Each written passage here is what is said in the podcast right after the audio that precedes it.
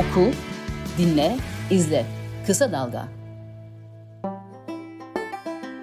Timecode'dan herkese merhaba. Timecode'un bu bölümünde konuğum gazeteci, yazar, podcaster Nilay Örnek. Hoş geldiniz Nilay Hanım. Merhabalar, hoş bulduk.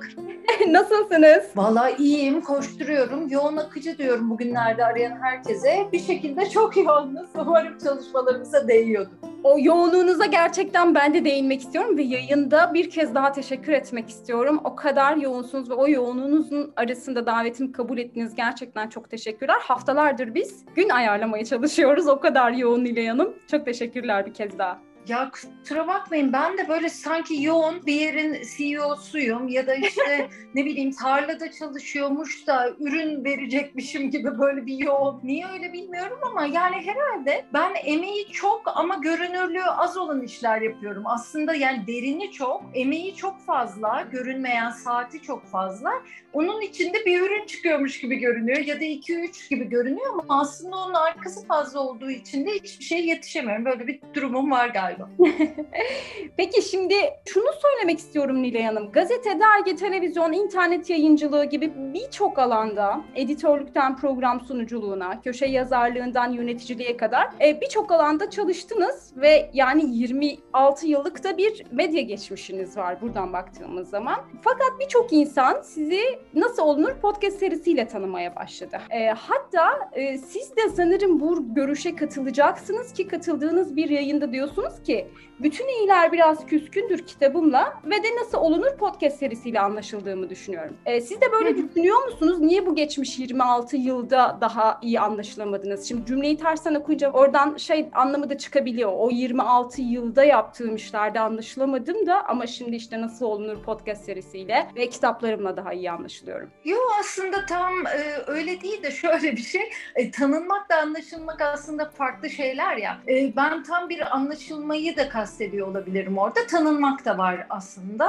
E, şöyle bir şey, e, çok doğal öncesinin tanınmaması. Ben 95 yazında başladım Sabah gazetesinde çalışmaya. İşte 5 yıl orada çalıştım. 8 yıl Milliyet. Sonrasında ya say say bitmiyor hakikaten sizin dediğiniz gibi. 2,5 yıl Habertürk var, Akşam var, Vatan internetin başında olmak var, Sözcü var. E, bir dolu dergi de var. İşte televizyon programı da var ama ben genellikle şunu söylüyorum. Hep bu işle devam edeceğim dediğim şey şeyden kovulduktan sonra daha çok tanındığım için onu çok iyi anlayabiliyorum. Çünkü benim asıl işim yazı işleridir. Orada ben editörlük yaptım, yazarlık yaptım. Ee, aslında yazarlıkla insanlar tanınır da benim öyle bir yazarlık tipim yoktu yani herkesin tanıyabileceği gibi. Çünkü aynı zamanda o dönemlerde yöneticilik ya da editörlük de yapıyordum. Daha çok masa başı işler, daha çok geriden gelen, insanların ismimizi bilmeyeceği işler yaptığımız için benim e, işimi yapan insanlar e, 18 yıl öyle çalıştım ben. Daha sonra işte gezi oldu, medya değişti. Ya yeniden iş bulamazsam diye Vatan interneti yaparken aynı zamanda bir televizyon programına evet dedim vesaire. O televizyon programı bir tanınmadır. Odur budur ama insanlar öyle birden tanıdıkları insanlara başka şeyle tanıyorlarsa birden olduğu gibi bakıyor olabiliyorlar. Yani mesela şehirli sofralar televizyonda bir kadın beliriyor onlar için değil mi? Ama o zamana kadar yani bunun bir bilgi birikimi var, donanım var, o var, bu var. Onları ne kadar yansıtabildim? O Allah için soru yani. Çünkü televizyonculuk bambaşka bir iş. Demin siz aslında sunuculuk da dediniz. O sunuculuk değil aslında. Benimki tam içerikçiliktir. Her zaman içerik yaparım ben. Onun sunmasını iyi yapabiliyor muyum hala da bilemem. Ama sonuçta kitapla ve daha sonra da nasıl olunurla ben kendimi yansımış görüyorum. İnsanlarla konuşurken e, benim kafamı anladıklarını hissediyorum. Ne olduğumu, ne bittiğimi. Gazetelerde buna çok imkan yoktu. Ama bu programlar uzun uzun dinlenen, bakılan işler ya nasıl olunurlar. Orada insanlar senin ses tonunu, yaklaşımını, kafanı çok iyi anlıyorlar. Keza bütün iyiler biraz küskündür de sonuçta kendi yaptığım kitap. Kendimi daha iyi anlatabiliyorum belki de. Çok duygudaşı da oldu. Çok okuyanı da oldu o kitabın. Çok ortak hisler de olduğu için anlaştık diye düşünüyorum insanlara. Yani sizin dediğinizi toparlarsam hakikaten ben belli bir yaşımdan sonra daha tanıdım tanınmışımdır diye düşünebiliriz ve anlaşılmışım da diye düşünebiliriz. Çünkü ilk dönemlerde çok anlaşılamadığını düşünüyorum yani. Bu kız Instagramer mı yoksa e, şehirli sofralarda televizyoncu mu? Kimdir nedir birden duydukları bir isim gibiyim. Daha sonra bu insan bunları da yapmış daha önce demeye başlıyorlar. Çünkü bizler öyleyiz. Ben pek çok konuğumu tanıtırken de öyle tanıtıyorum. Bir yerden görüyoruz ya sadece o insan orada çıkmış zannediyoruz. Mesela onu televizyonda gördüysek. Ee, Emre Kongar'da konuşuyordum geçen gün. Diyor ki ya bu kadar yıllık bilim insanıyım. İşte e, üniversitede hocayım ama insanlar beni televizyonda tanıdı. Bunun gibi. E, şimdi birçok medya kurumu ismi saydık ya işte Sabah gazetesi, Milliyet, Habertürk falan. Bunlardan akşam çok önemli. Çünkü Gezi dönemine denk geliyor oradan. Siz kovulmak diye nitelendirdiğiniz için öyle devam edeceğim. İş, işinize son verilmesi bu var.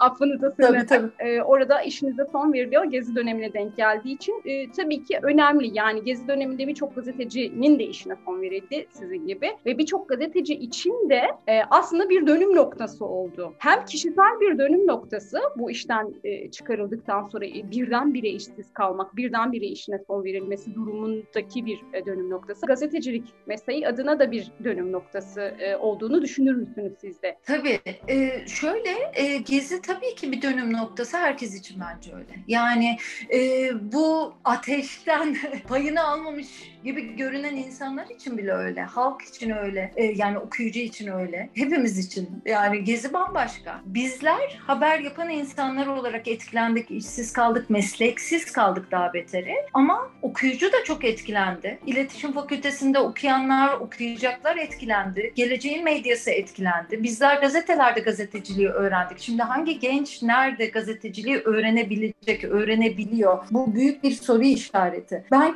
kendim bu geziden apoletler takmak diyorum ben ona. Pek sevmediğim bir şey. Çünkü dediğim gibi hepimiz etkilendik. Az çok şu bu.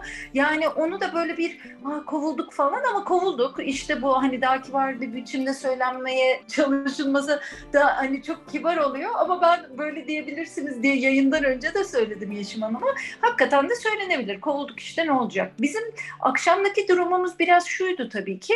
TMSF çoktan gazetenin e, yönetimini ele almıştı. Yani birkaç ay önce ve onun için bizler ilk kovulanlar olduk. Rahmetli canım arkadaşım Sevim Gözay mesela, Tuğçe Tetari, ben ilk önce İsmail Küçükaya gitti ve bizler hakkında o gittikten gideceği haberleri çıktıktan bir saat sonra haberler çıktık zaten. Bunlar da şuncu buncu işte gidecekler mi falan gibi bir takım siteler bize hedef göstermeye başladı.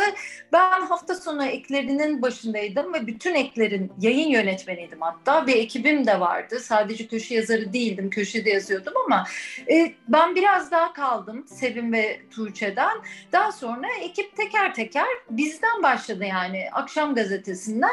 Sonra ismi duyulmayan da pek çok arkadaşımız da gitti. Yani halkın, okuyucunun daha doğrusu ismini bilmediği insanlar da işsiz kaldılar. Tazminatlarını bıraktılar. Kimi istifa etmek zorunda kaldı, bırakıldı. Hepimizin hayatı değişti. E, medyada değişti. Haberciliğin zaten değiştiğini biliyoruz.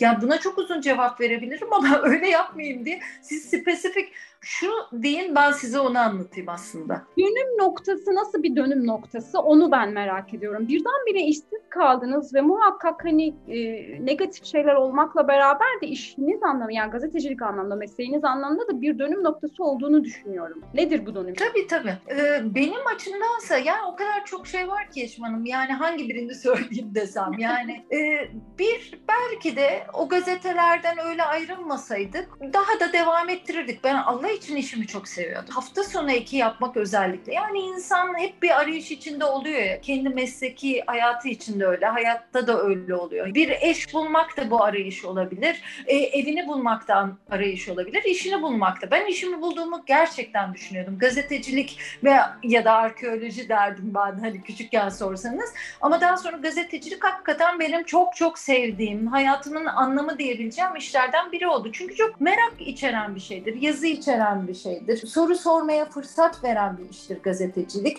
Ve bakın böyle bir şey var demek için de iyidir ve adalet arayışı için de iyidir. Ee, birilerine yardım etmek için de aracıdır. Bu çok güzel bir iş değil mi? Sadece saydığım birkaç özelliği bile. Uzun süreler editörlük yaptım, köşe yazarlığı yaptım, muhabirimsi e, bir insan da oldum. Muhabirlik yaptığımı hiçbir zaman söyleyemem ama ben sıkılgan ve öğrenmeye meraklı biri olduğum için çok küçük yaşta da başlamışım. Vakit de olduğunu düşünüyorum. Enerjim de var. Muhabirlik de yaptım. E, ne bileyim konsere gittim onun yazısını da yaptım. Odur budur yazılar da yazdım. Sırf editörlük yapmadım. Ama Gezi'den sonra bir şöyle bir şey oluyor. Bütün o e, kaslarını geliştiriyorsun ve fakat bu zorlu oluyor ve kolay olmuyor tabii ki. Şunu kastediyorum. İstemezdim aslında öyle olsun. Tak diye düştük ve bu kadar da büyük bir düşüş olacağını insan düşünmüyor. Yani birden koparılıyorsun. Kendi sevdiğin işten, meslekten tam hayatımın aşkını buldum diyorsun ve birden elinden alınıyor. Hafta sonu iki yapmak tam benim karakterime, yapıma uygun ve ekibimiz çok güzeldi akşamda mesela bizim. Ee, teknik şartlarımız çok kötüydü. Maaşlarımızı iki ay sonra alıyorduk ki TMSF onun için gelmişti zaten gazetenin başına. Devlet ondan el koymuştu. Buna rağmen biz her türlü imkanı olan en bilindik hafta sonu ekleriyle bayağı da yarışıyorduk. Adımız, sanımız da vardı, muhabirlerimiz de mutluydu diye düşünüyorum ben.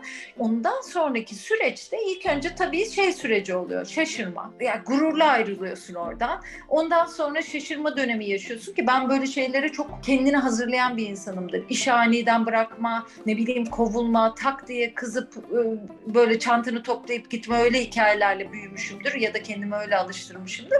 Buna hazırlıklı olmama rağmen şöyle bir şey oldu. Gezi sadece işsizlik değil, mesleksizlik değil.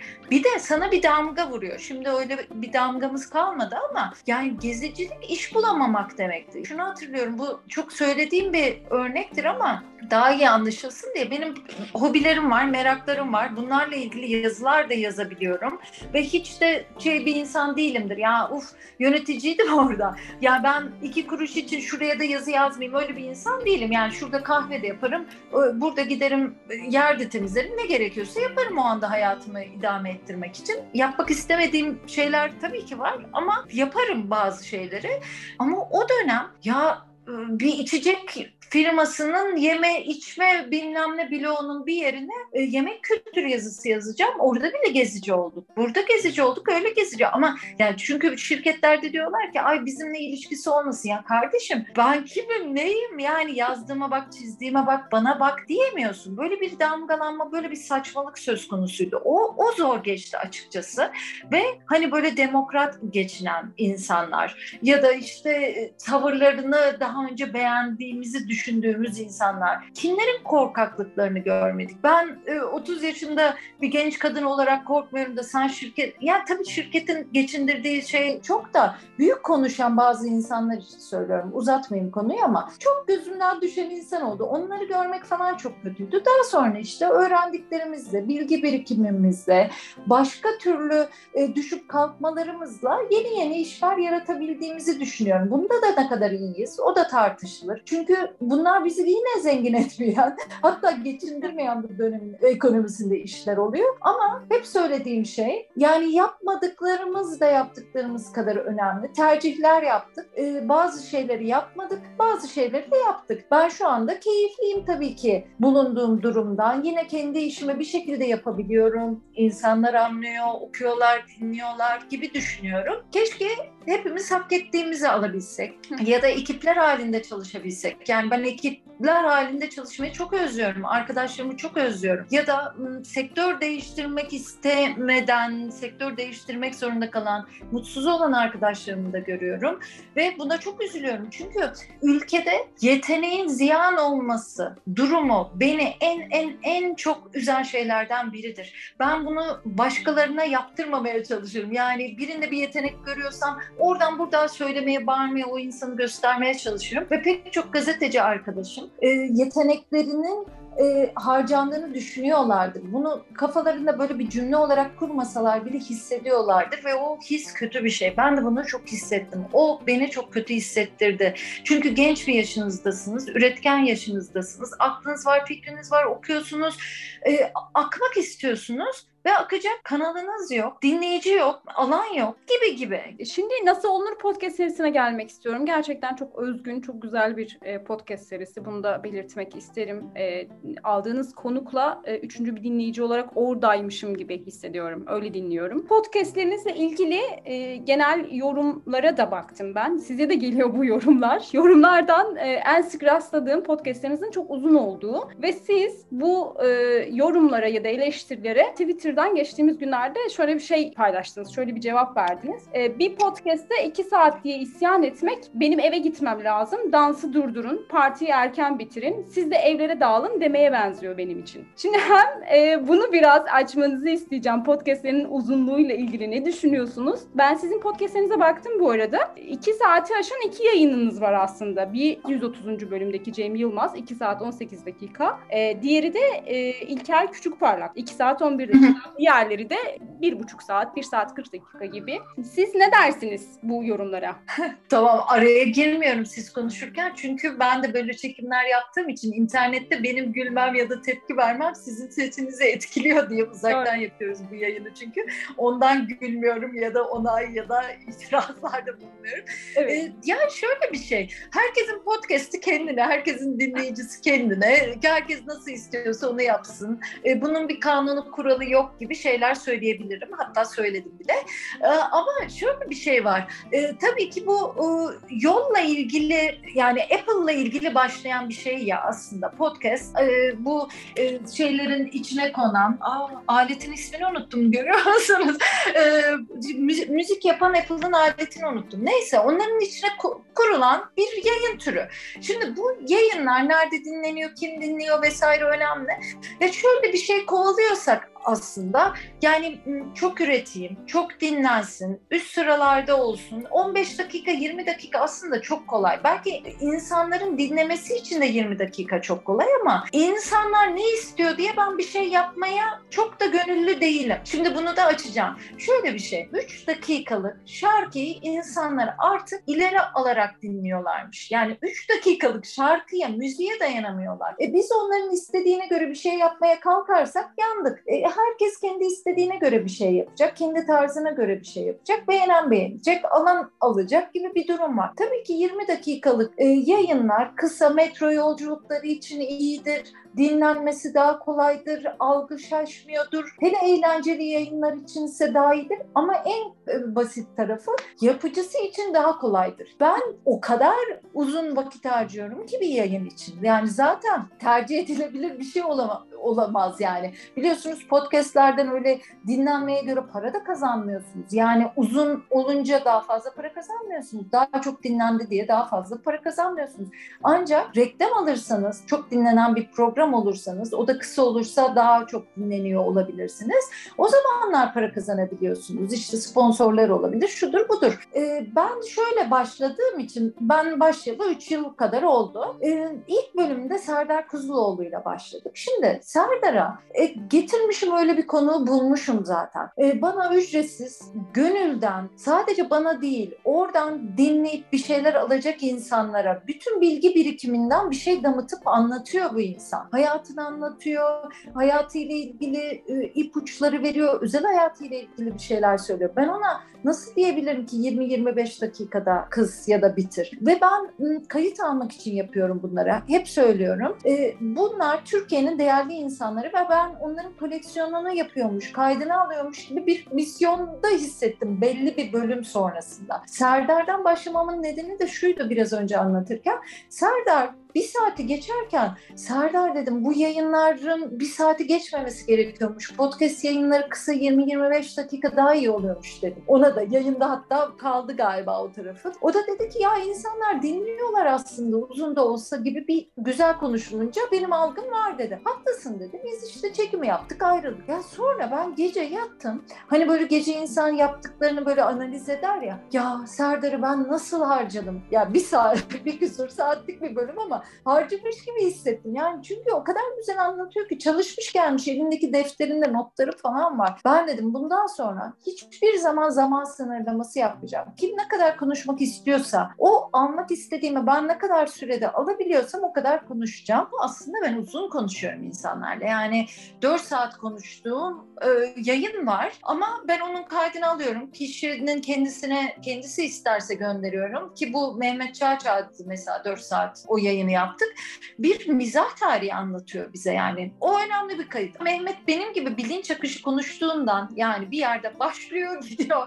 Sonra başka yerlerden toparlıyor. Şimdi insanlar onu e, bütün algılarıyla dinleyemezler diye ben aradan çekmeler, cımbızlamalar yapıyorum. Onu daha kısa bir yayın haline getiriyorum. O benim bir haftamı alıyor. Ses teknisyenim de yapıyor bunu. Eleştirilerse dediğim gibi yani isteyen dinler ve isteyen bölüp dinleyebilir. Böyle bir avantajı var bu. Hani şey manasında söylemiyorum isteyen dinlene. Ya dinleyen dinlesin, dinlemeyen dinlemesin manasında söylemiyorum. Tabii ki herkes dinlesin istiyorum. Çok istiyorum bunu. Ama e, şöyle bir saatini dinlersiniz bir yere giderken dönerken bir saatini dinlersiniz. Parti benzetmesi yapmam o. Hani partiyi bitirin de biz de gidelim diyorlar gibi geliyor. Yani yoksa eğlence devam ediyor. Sen istersen kal, istersen erken gitmen gerekiyorsa git yani aklın orada kalmasın gibi bir durumum var.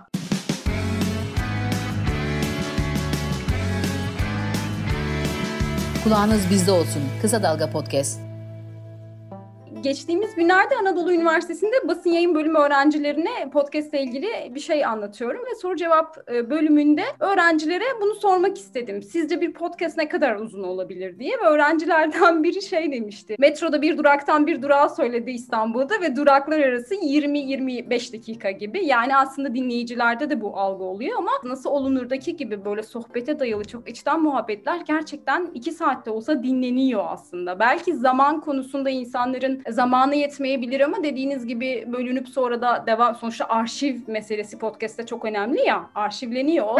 Oradan da dönüp e, dinleyebiliyoruz. Tabii tabii ben kayıt tutmak için yapıyorum ya artık ondan çok eminim. Hani ilk bölümlerden beri biraz meslekleri merak ettiğimden biraz insanlara faydalı olsun dediğimden demin sizin anlattığınız o mesleki dönüşüm düşmeler kalkmalar var ya ben tabii özet geçiyorum ama bu genel bir kural. Trajedi artı zaman eşittir bir komedi. Şu anda ben bunları gülerek anlatıyorum ama yaşarken çok da komik ya da rahat aş- aşılabilen şeyler değildi. Pek çok insan benim gibi hissedebilir diye ben bu yayınları yapıyorum. Yani genç insanlar da bugün umutsuz, ne yapacaklarını bilmiyorlar, korkuyorlar, ekonomik sıkıntılar var, iş az, mesleklerini bulabilecekler mi? Ya da buldunuz, belli bir yaştasınız. İşimi ben nasıl dönüştürebilirim, değiştirebilirim? Bu insanlar nasıl yapmış? Bu insanlar hep mi başarılı olmuşlar? Yoksa başarısızlığı onlar da tatmışlar mı? Nasıl dönüştürmüşler? Bunlar çok önemli şeyler. Bunları da tak tak söyleyen bir yayın benim yayınım olursa o TED konuşması gibi olur. O da çok profesyonel olmak zorundadır. Değil mi? Yani onlar çok güzel 20 dakikada anlatıyorlar. Belki de 20 dakika işte bir araştırmanın sonucunda da bulunmuştur zaten. Hani metro örneği verilir, TED'ler öyledir gibi gibi. Ama ben şeyi seviyorum. Yani bu kayıt tutma işini, hafıza meselesini. Bazen insanlar çıkartabileceğim çok ayrıntılı bir şeyler anlatıyorlar. Ben bir bakıyorum ona. Ya diyorum ki bu da hiç konuşulmamış bir şey. Biz bunun kaydını tutalım. Bir gün bir araştırmacı e, bir araştırmasını bunu koyar ya da ipucu olarak kullanır diye de düşünüyorum. Peki şimdi e, çok güzel yazılarınız var. Onlardan birine değinmek istiyorum. Sözcü gazetesinde Ekim 2015'te yazdığınız bir yazı. Anne üzgünüm ama ben bu ülkeden gitmek istiyorum. Çok da güzel bir yazı. Çok da e, dolu ve Ankara'daki Ankara garı patlamasından sonra yazılmış bir yazı. Şunu sormak istiyorum. Hala bu ülkeden gitmek istiyor musunuz? Ya zaten o yazı şöyle başlıyor. Git, gitmek istiyorum istemiyorum ya. Yani o yazıda böyle her satır arası çok büyük bir acı var. Ee, tab- tabii ki ben gitmek istemiyorum aslında. Şimdi orada anne ben bu ülkeden gitmek istiyorum Hakikaten yani şurama geliyor vardır ya yani deliriyorum çok üzülüyorum çok canım sıkılıyor ve buna dayanamadığım haller oluyor. Şimdi orada ekonomik bir sıkıntının da ötesinde insan ölümü vardı. Çok çok benim için pek çok olaya tanık olduk maalesef. Pek çok ölüme tanık olduk. Burada hemen Beşiktaş stadının buradaki işte saldırılar, o Ankara garı Ama özellikle o Ankara garı saldırısını öyle iyi hatırlıyorum ki yani tabii onlarca olay sayabilirim. Şöyle bir yere gidiyoruz. Elimde bir gömlek var. Giyeceğim diye yani birden elimde o gömlek bir buçuk saat falan sıkı sıkı ağladığımı hatırlıyorum. O kadar üzüldüm ki ya ne yapıyoruz biz bu ülkede? Ya da bu Reyna saldırısı hatırlayın. Bir yılbaşı günü biz bunu yaşadık ve sabah uyandık. Tabii ki e, çok etkileniyorum. Yani diyorum ya potansiyel harcanması Türkiye'de beni en üzen şeylerden biridir diye. Hepimizin potansiyeli harcanıyor. Siz, ben, o bundan azade kimse yok. Öyle bir şey ki bu. Yoksa ben yurt dışında yaşadım. Yani bir sene yaşadım. Sonra bir burs aldım. 6 ay gittim. Hiç hoşuma giden yani çok hoşuma gitti de yaşaması sürekli benlik değil aslında. Ben bu ülkede de mutluyum ama yaşar mıyım? Medeniyette yaşarım da bunu da çok sık düşünüyorum. Hala çok gidip geliyor. Dille para kazanan bir insanım. Dille kendini ifade eden bir insanım. Hayatım boyunca böyle oldum. Her seferinde başka bir medeniyette yaşasak nasıl olurdu diyorum. Potansiyelimizin boşuna harcandığını düşünüyorum. İnsan hayatı bir kere geliyor ve sürekli baskılama, sürekli bir sorun. Yazık yani bize. Gitmek istemiyorum sonuçta ama e, harcanıyoruz hissi ve biçimde duruyor yani. Aslında hep gitme arzusu var ama bir taraftan da kalma gerekliliği ya da isteği. Hı hı. Yani bu çok seviyorum. Benim ailem burada, köklerim burada. Yani apartmanlarına ayrı e, sevdam var, doğasına ayrı aşkım var. Ya ben Anadolu'yu da çok sık gezmeye çalışan bir insanım. Yani Karadeniz'i, Ege'yi, Orta Anadolu'yu ya da Güneydoğu Anadolu çok yani bulunmaktan keyif aldım ve onu gerçekten de bir turist gibi değil de e, dönüştüren, anlamaya çalışan bir insan gibi yaşamaya çalışan bir insanım.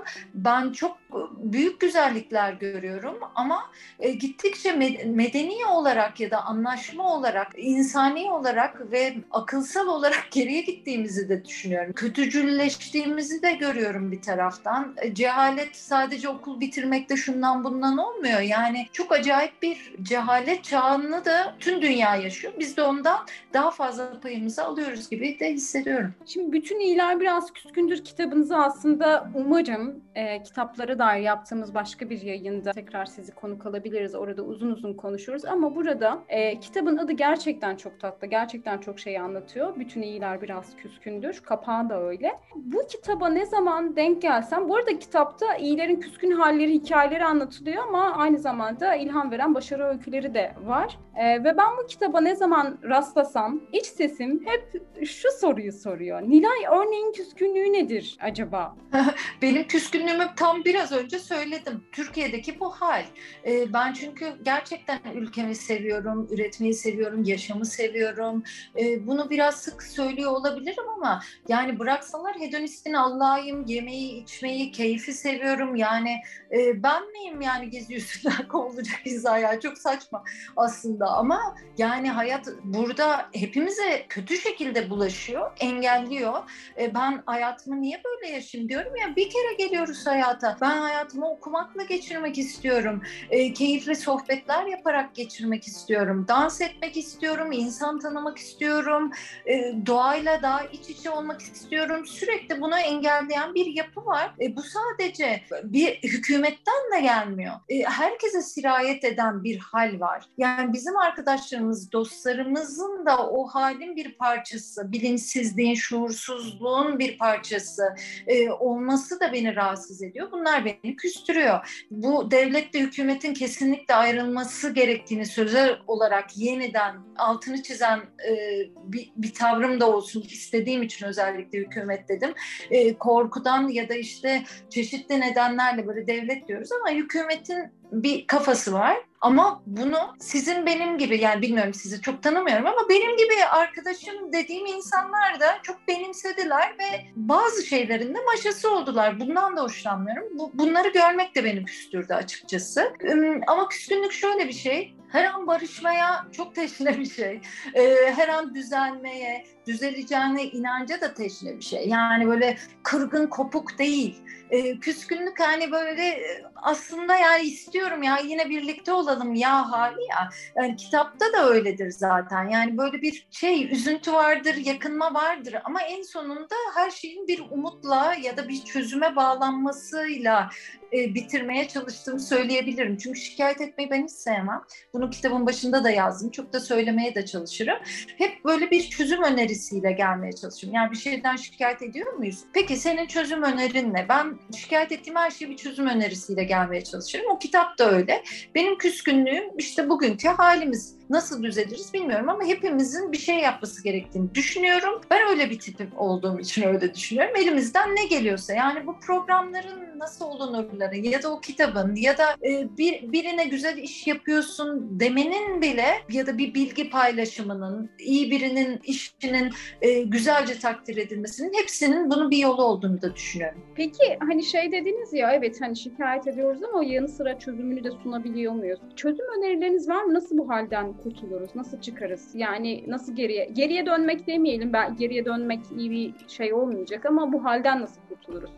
Şimdi e, bir Can Kozanoğlu yanıtı verecektim ya öyle şöyle o çok direkt söylemişti. Ya bir, bir kere bu bu devrin bir değişmesi lazım. Hakikaten e, bir, bir silkinmemiz lazım her açıdan. B- bütün her yerde bir saçmalık söz konusu. Bütün kurumlarda. Bunun bir değişmesi lazım. Geriye dönmek e, kötü olabilir dediniz ama acıklı olan şey şu ki geriye döndüğümüzde daha iyi bir şey görüyoruz ve yanlış nostaljiden değil bu. Gerçekten sürekli geri adım atma durumu var. Yani eğitim meselesi var. Mesela eğitimdeki geri gitmemiz, genç kuşakların e, umutsuzlanması nasıl değişir? E, tabii ki yukarıdan aşağı bir değişme olmak zorunda. Bu olmazsa çok zor tabii ki. İlk önce onun olması e, durumu var ama demin de söylediğim şeyi tekrarlayayım. Hepimizin yapabilecekleri var. Kendi çapımızda, çevremizde, ne bileyim sizin yaptığınız bu yayınlardır.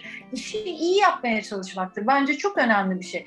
Bugün e, işte herkese sirayet ettiğini görmem beni küstürüyor meselesi var ya, beni o canımı sıkıyor. Yoksa hani diyorsun ki bu politika, bunlar siyasetçi, bu adamlar böyle, bu kadınlar böyle. Ama bunu deyip geçemiyoruz. Bu herkese sirayet ettiği için biz bugün bu kadar küskünüz, e, yorgunuz değil mi? İşini iyi yapanı iyi yapsa, ya evet anlıyorum.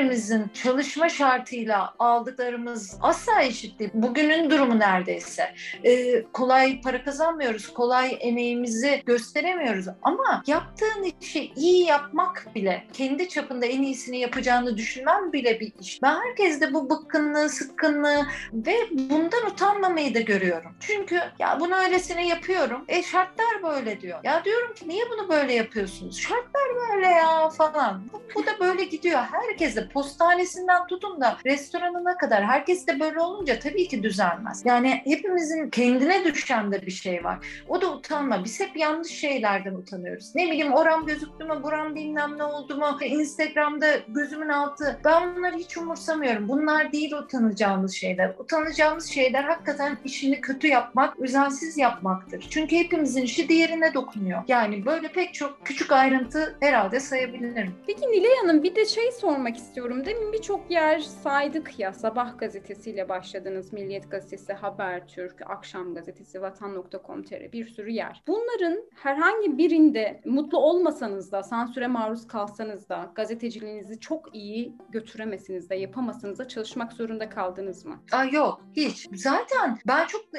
genellikle burada böyle gibi olmadı ama neşeli biriyimdir ve iyi çalıştım oralarda.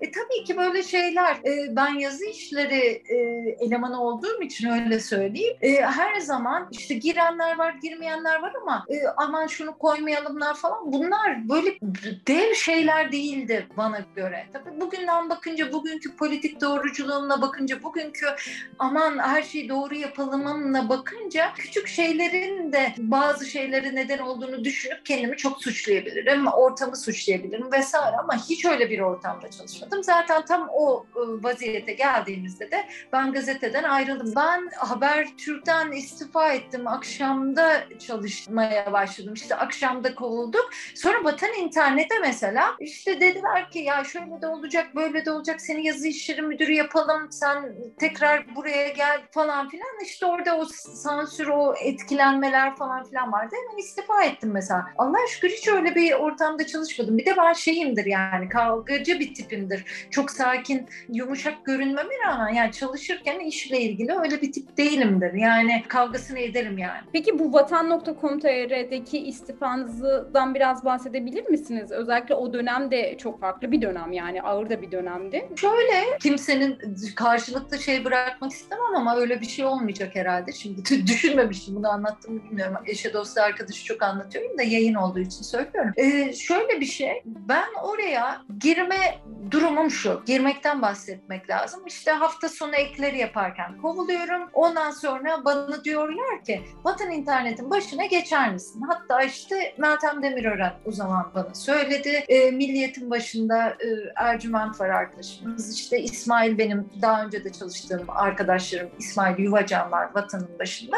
Onlarla ben 6 ay çalıştım. Şöyle bir şeyle ben o işe girdim. Yani Nilay sen bunu hafta sonu eki kafasıyla yap. E, burada güzel tıkı var. Yani tıkanmak diye bir şey var ya internet sitelerinde. Yani sayısal olarak iyi okunan bir site ama biz burada ne bileyim garip reklamları kaldırmak istiyoruz. Kaliteli bir şey yaparak reklam da alan ama okunan bir site yapmak istiyoruz. Yani bu rakamlar korunsun ama kaliteli bir şey olsun. Hafta sonu eki gibi bir şey yap dediler ve ben öyle gazeteye girdim.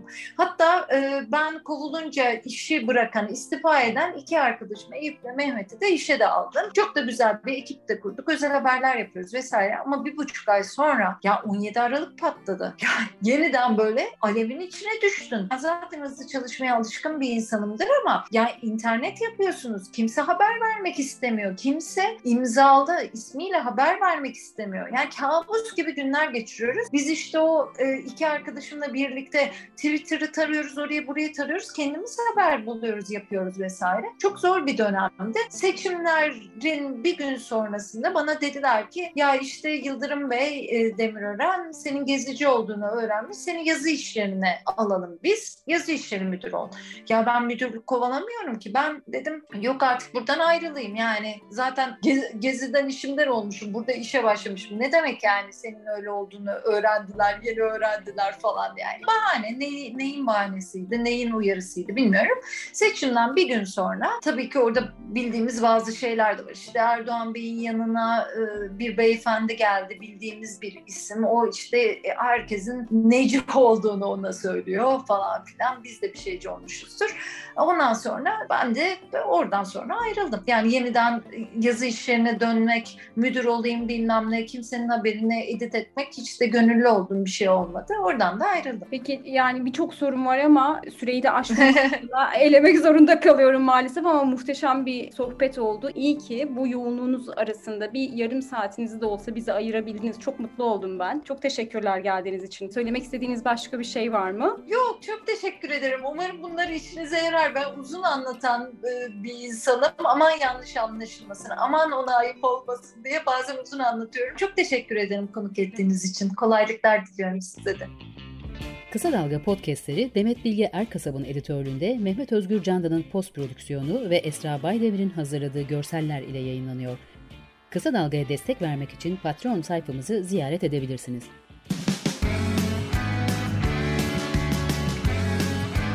Oku, dinle, izle. Kısa Dalga.